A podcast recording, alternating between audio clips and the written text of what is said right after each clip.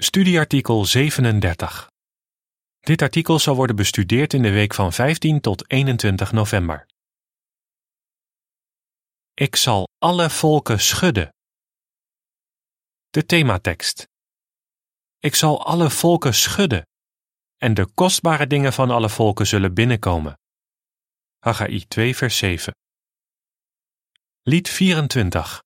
Kom naar Jehovah's berg. Vooruitblik. In dit artikel staat een herzien begrip van Haggai 2 vers 7. Het laat uitkomen hoe we kunnen deelnemen aan een boeiend werk dat alle volken schudt. We zullen zien dat dit schudden zowel positieve als negatieve reacties ontlokt. Alinea 1 en 2. De vraag. Wat heeft Haggai voor deze tijd voorspeld? In een paar minuten tijd stortten de winkels en oude gebouwen als een kaartenhuis in elkaar. Overal was paniek. Veel mensen zeiden dat het ongeveer twee minuten duurde, maar het leek wel een eeuwigheid. Die woorden komen van enkele overlevenden van een aardbeving in Nepal in 2015. Als je zoiets meemaakt, vergeet je dat niet gauw. Op dit moment maken we ook een soort beving mee. Alleen gebeurt het niet in één stad of land, maar in alle volken. En het duurt al tientallen jaren. Het gaat om wat voorspeld is door de profeet Haggai. Hij schreef: Dit zegt Jehovah van de legermachten. Nog één keer, over een korte tijd, en ik zal de hemel, de aarde, de zee en het droge land schudden. Haggai 2 vers 6. Alinea 3, de vraag. Wat maakt het schudden uit Haggai anders dan een aardbeving? Het schudden waar Haggai het over heeft, is geen echte aardbeving. Een aardbeving veroorzaakt alleen verwoesting, maar dit schudden heeft juist goede resultaten. Jehovah zegt: Ik zal alle volken schudden, en de kostbare dingen van alle volken zullen binnenkomen en ik zal dit huis met glorie vullen. Haggai 2 vers 7 Wat betekende die profetie voor de mensen in de tijd van Haggai? En wat betekent het voor ons? Laten we eens kijken wat het antwoord is op die vragen en welke rol wij spelen in het schudden van de volken. Een bemoedigende boodschap in de tijd van Haggai. Alinea 4, de vraag. Waarom stuurde Jehovah Haggai naar zijn volk? Haggai kreeg een belangrijke opdracht van Jehovah. Waarschijnlijk zat hij bij degenen die in 537 voor Christus vanuit Babylon naar Jeruzalem waren teruggekeerd. Die trouwe aanbidders hadden kort na hun aankomst het fundament gelegd van Jehovah's huis, de tempel. Maar daarna ging het mis. Ze raakten ontmoedigd en door tegenstand stopten ze met het werk. In 520 voor Christus gaf Jehovah Haggai de opdracht hun ijver aan te wakkeren en ze te motiveren de tempel af te maken. De voetnoot luidt: We weten dat Haggai in zijn missie is geslaagd omdat de tempel tegen 515 voor Christus is voltooid. Einde voetnoot. Alinea 5, de vraag. Waarom zal de boodschap van Haggai Gods volk hebben aangemoedigd? De boodschap van Haggai was bedoeld om het vertrouwen in Jehovah te versterken. Resoluut zei de profeet tegen de ontmoedigde Joden: Wees sterk jullie alle, volk van het land, verklaart Jehovah, en ga aan het werk. Want ik ben met jullie, verklaart Jehovah van de legermachten. Haggai 2 vers 4 de uitdrukking Jehovah van de legermachten moet heel geruststellend zijn geweest. Het herinnerde de Joden eraan dat Jehovah een enorm leger van engelen onder zijn bevel heeft. Ze konden dus op hem vertrouwen. Alinea 6, de vraag. Wat zou het resultaat zijn van het schudden dat Haggai voorspelde? Jehovah liet Haggai een boodschap overbrengen over het schudden van alle volken. Dat moest de Joden die met de bouw van de tempel waren gestopt bemoedigen. Jehovah zou opschudding veroorzaken in Perzië, de wereldmacht die veel volken overheerste. Met welk resultaat? Ten eerste dat Gods volk de bouw van de tempel zou voltooien. En ten tweede dat niet-Joden zich bij hen zouden aansluiten in de aanbidding van Jehovah in die herstelde tempel. Wat een bemoedigende boodschap voor Gods volk. Een wereldschokkend werk in deze tijd. Alinea 7, de vraag. Hoe zijn wij bij het schudden betrokken? Wat betekent de profetie van Haggai voor ons? Ook nu schudt Jehovah alle volken. En deze keer zijn wij erbij betrokken. In 1914 installeerde Jehovah Jezus Christus als koning van zijn hemelse koninkrijk. De oprichting van dat koninkrijk was slecht nieuws voor wereldleiders. Het betekende het einde van de vastgestelde tijd van de heidenen, de periode zonder een heerser die Jehovah rechtstreeks vertegenwoordigde. Lucas 21, vers 24. Om die reden vertelt Jehovah's volk vooral sinds 1919 dat Gods koninkrijk de enige hoop voor de mensheid is. Dat prediken van het goede nieuws van het koninkrijk heeft in de hele wereld voor opschudding gezorgd. Matthäus 24, vers 14. Alinea 8, de vraag. Hoe hebben de meeste volken op de boodschap gereageerd, zoals in Psalm 2, vers 1 tot 3 was voorspeld? Hoe hebben mensen op de boodschap gereageerd? Grotendeels negatief. In Psalm 2, vers 1 tot 3 staat: Waarom is er opschudding onder de naties en mompelen de volken over iets zinloos? De koningen van de aarde stellen zich op en de bestuurders verenigen zich tegen Jehovah en tegen zijn gezalfde. Ze zeggen: Laten we ons bevrijden van hun ketens en hun touwen van ons afschudden. Er is opschudding onder de volken. Ze weigeren de koning te accepteren die Jehovah heeft aangesteld. Ze vinden onze boodschap over het koninkrijk helemaal geen goed nieuws. Een aantal regeringen heeft de prediking zelfs verboden. Hoewel veel machthebbers van die volken beweren God te dienen, willen ze hun eigen macht niet opgeven. In de eerste eeuw waren er machthebbers die Jehovah's gezalfde tegenwerkten. Zo zijn er ook nu regeringen die zich tegen hem verzetten door zijn trouwe volgelingen aan te vallen. Beschrijving van de afbeeldingen bij alinea 7 en 8. Haggai motiveert Gods volk zich in te zetten voor de herbouw van de tempel. In deze tijd zet Gods volk zich in om zijn boodschap bekend te maken. Een echtpaar predikt een boodschap over het laatste schudden. Het bijschrift bij deze afbeeldingen luidt: Heb jij een volledig aandeel aan het wereldschokkende werk dat nu wordt gedaan? Alinea 9, de vraag. Hoe reageert Jehovah op het verzet van de volken? Hoe reageert Jehovah op het verzet van de volken?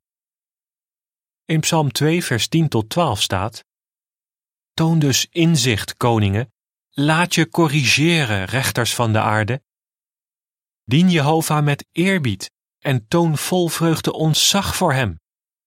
Eer de zoon, anders wordt God verontwaardigd en word je verwijderd van de weg, want zijn woede ontvlamt snel. Gelukkig wie bescherming bij hem zoekt. Liefdevol laat Jehovah de deur op een kier staan. Tegenstanders krijgen nog steeds de kans van gedachten te veranderen en Jehovah's koninkrijk te accepteren. Maar de tijd dringt. We leven in de laatste dagen van deze wereld. 2 Timotheus 3 vers 1. Het is nu belangrijker dan ooit dat mensen de waarheid kennen en de juiste keuze maken. Een positieve reactie op het schudden. Alinea 10, de vraag. Welke positieve reactie op het schudden wordt in Haggai 2 vers 7 tot 9 beschreven? Het schudden dat Haggai voorspelde heeft ook een gunstige uitwerking. Hij zegt dat door het schudden De kostbare dingen van alle volken zullen binnenkomen. Oprechte mensen zullen komen om Jehovah te aanbidden. De voetnoot luidt: Dit is een herziening van ons begrip. Eerder is gezegd dat de toestroom van oprechte mensen tot de ware aanbidding niet wordt veroorzaakt door het schudden van alle volken. Zie de vragen van lezers in de wachttoren van 15 mei 2006. Einde voetnoot. In Haggai 2 vers 7 tot 9 staat: Ik zal alle volken schudden, en de kostbare dingen van alle volken zullen binnenkomen. En ik zal dit huis met glorie vullen, zegt Jehovah van de legermachten. Van mij is het zilver, en van mij is het goud, verklaart Jehovah van de legermachten. De glorie van dit huis zal groter zijn dan voorheen, zegt Jehovah van de legermachten. En op deze plaats zal ik vrede brengen, verklaart Jehovah van de legermachten. Jesaja en Micha voorspelden vergelijkbare ontwikkelingen in de laatste dagen. Jesaja 2 vers 2 tot 4, de voetnoot, en Micha 4 vers 1 en 2, de voetnoot. Alinea 11, de vraag.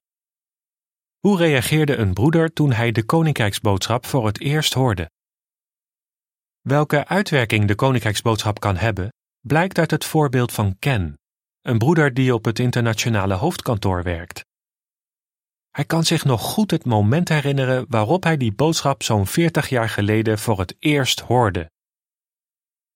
Hij zegt: Toen ik de waarheid uit Gods woord voor het eerst leerde kennen, was ik echt blij te horen dat we in de laatste dagen leven. Ik begreep dat ik uit deze onstabiele wereld moest vluchten en dat ik duidelijk Jehovah's kant moest kiezen om zijn goedkeuring en eeuwig leven te krijgen. Onder gebed besloot ik meteen dat te doen. Ik liet de wereld achter me en vluchtte naar de veiligheid van Gods koninkrijk, dat niet geschud kan worden. Alinea 12, de vraag. Hoe is Jehovah's geestelijke tempel in de laatste dagen met glorie gevuld? Het is duidelijk dat Jehovah zijn volk heeft gezegend. In deze laatste dagen is er een enorme toename geweest in het aantal aanbidders. In 1914 waren we maar met een paar duizend. Nu zijn we met meer dan 8 miljoen. En elk jaar zijn er nog eens miljoenen die met ons op het avondmaal zijn. De aardse voorhoven van Jehovah's grote geestelijke tempel, zijn regeling voor zuivere aanbidding, zijn dus gevuld met de kostbare dingen van alle volken. Tot glorie van Jehovah's naam hebben die personen hun leven veranderd door de nieuwe persoonlijkheid aan te doen. Alinea 13. De vraag. Welke andere profetieën zijn door de toename in aanbidders in vervulling gegaan? De toename in aanbidders is ook een vervulling van andere profetieën. In Jesaja 60 vers 22 wordt bijvoorbeeld gezegd: De kleine zal tot duizend worden en de onbeduidende tot een machtig volk. Ikzelf, Jehovah, zal het versnellen als het de tijd ervoor is. Er gebeurt iets heel moois door de toestroom van ware aanbidders. Die kostbare dingen of mensen brengen allerlei talenten en skills mee, die ze graag inzetten voor de prediking van het goede nieuws. Op die manier krijgt Jehovah's volk de beschikking over de melk van volken, zoals Jesaja het noemde. Jesaja 60, vers 5 en 16. Met de hulp van die kostbare mannen en vrouwen wordt er gepredikt in 240 landen en wordt er lectuur gepubliceerd in meer dan duizend talen. Het bijschrift bij de afbeelding op de cover luidt: Overal op aarde vertelt Gods volk anderen graag over het koninkrijk. Tijd voor een beslissing.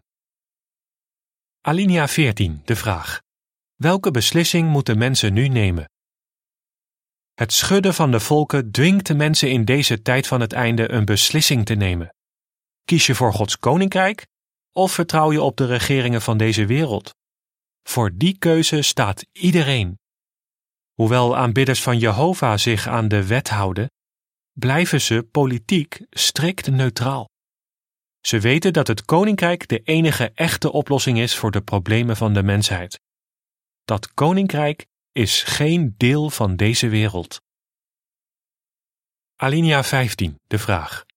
Welke toets op loyaliteit wordt in Openbaring beschreven? Het boek Openbaring laat zien dat de loyaliteit van Gods volk in de laatste dagen op de proef wordt gesteld. Dat zal gepaard gaan met enorme druk. De regeringen van deze wereld zullen aanbidding eisen en zullen iedereen vervolgen die weigert ze te steunen. Ze zullen dwang uitoefenen op alle mensen, de kleine en de grote, de rijke en de arme, de vrije en de slaven, om een merkteken op hun rechterhand of op hun voorhoofd te aanvaarden. Openbaring 13, vers 16. In de oudheid werden slaven gebrandmerkt zodat iedereen kon zien wie hun eigenaar was. In deze tijd zal van alle mensen worden verwacht dat ze een symbolisch merkteken op hun hand of voorhoofd hebben. Aan hun daden en gedachten zal te zien zijn dat de regeringen hun eigenaar zijn en dat ze die ondersteunen. Alinea 16, de vraag. Waarom is het zo belangrijk nu je loyaliteit aan Jehovah te versterken? Zul jij het symbolische merkteken accepteren en je steun geven aan regeringen? Het zal moeilijk en gevaarlijk worden voor degenen die het merkteken weigeren. In openbaring wordt gezegd: iemand kan alleen kopen of verkopen als hij het merkteken heeft. Openbaring 13, vers 17. Maar we weten wat God zal doen met degenen die het merkteken hebben. In plaats dat we het merkteken dragen, schrijven we als het ware op onze hand eigendom van Jehovah. Jesaja 44 vers 5. Het is nu de tijd je loyaliteit aan Jehovah te versterken. Als je dat doet, zal Jehovah je graag zijn eigendom noemen. Het laatste schudden. Alinea 17, de vraag. Wat moeten we in gedachten houden als het gaat om Jehovah's geduld? Jehovah heeft in deze laatste dagen veel geduld getoond. Hij wil niet dat er iemand vernietigd wordt. Hij geeft iedereen de kans berouw te hebben en de juiste beslissing te nemen. Maar er zijn grenzen aan zijn geduld. Mensen die niet voor Gods koninkrijk kiezen, bevinden zich in net zo'n situatie als de farao in Mozes tijd. Jehovah zei tegen de farao: Ik had mijn hand ondertussen al kunnen uitsteken om jou en je volk met een vreselijke ziekte te treffen, en dan zou je van de aarde zijn weggevaagd. Maar dit is de reden dat ik je in leven heb gelaten, om je mijn kracht te tonen en om mijn naam over de hele aarde bekend te laten maken. Exodus 9, vers 15 en 16. Alle volken zullen uiteindelijk moeten weten dat Jehovah de enige ware God is. Hoe gaat dat gebeuren? Alinea 18, de A-vraag. Wat voor soort schudden wordt in Haggai 2 vers 6 en 20 tot 22 beschreven? De B-vraag. Hoe weten we dat de woorden van Haggai een toekomstige vervulling hebben? Eeuwen na de tijd van Haggai maakte Paulus onder inspiratie duidelijk dat de woorden in Haggai 2 vers 6 en 20 tot 22 een toekomstige vervulling zouden hebben. In vers 6 staat: Want dit zegt Jehovah van de legermachten: Nog één keer, over een korte tijd, en ik zal de hemel de aarde, de zee en het droge land schudden. In vers 20 tot 22 staat: Op de 24ste dag van de maand kwam het woord van Jehovah voor de tweede keer tot Haggai. Zeg tegen Zerubabel, de gouverneur van Juda: Ik ga de hemel en de aarde schudden. Ik zal de koningstronen omverwerpen en de kracht van de koninkrijken van de volken te niet doen. Ik zal de strijdwagen met zijn bereiders omverwerpen, en de paarden en de ruiters zullen vallen, elk door het zwaard van zijn broeder. Paulus schreef: Nu heeft hij beloofd: nog één keer zal ik niet alleen de aarde, maar ook de hemel schudden. Met nog één keer wordt bedoeld dat de dingen die worden geschud, de dingen die gemaakt zijn, verwijderd worden, zodat alleen de dingen overblijven die niet worden geschud. Hebreeën 12, vers 26 en 27. In tegenstelling tot het schudden uit Haggai 2, vers 7, betekent dit schudden eeuwige vernietiging voor iedereen die net als de farao weigert te erkennen dat Jehovah het recht heeft te regeren. Alinea 19, de vraag. Wat zal er niet worden geschud? En hoe weten we dat? Wat zal er niet worden geschud of verwijderd? Paulus zei: Wij ontvangen een koninkrijk dat niet geschud kan worden. Laten we daarom vasthouden aan de onverdiende goedheid, want zo kunnen we op een aanvaardbare manier heilige dienst voor God doen, met eerbied en ontzag. Hebreeën 12, vers 28. Als straks na het laatste schudden het stof is neergedaald, zal alleen Gods koninkrijk nog overeind staan. En het zal stevig blijven staan. Alinea 20, de vraag. Welke keuze moeten mensen maken? En hoe kunnen we ze daarbij helpen? Er is geen tijd te verliezen. Mensen moeten kiezen. Blijven ze achter de leefwijze staan die de wereld promoot? Of gaan ze proberen te leven zoals God wil? Het eerste betekent vernietiging en het laatste eeuwig leven. Door de prediking kunnen we mensen helpen bij die belangrijke keuze. Doe wat je kunt om nog veel meer kostbare mensen te helpen voor Gods koninkrijk te kiezen. En hou in gedachten wat Jezus zei. Dit goede nieuws van het koninkrijk zal op de hele bewoonde aarde worden gepredikt als een getuigenis voor alle volken. En dan zal het einde komen. Matthäus 24, vers 14. Wat leren de volgende teksten ons over het schudden van de volken? Psalm 2, vers 1 tot 3. Haggai 2, vers 7 tot 9. Haggai 2, vers 20 tot 22. Lied 40. Aan welke kant sta jij? Einde van het artikel.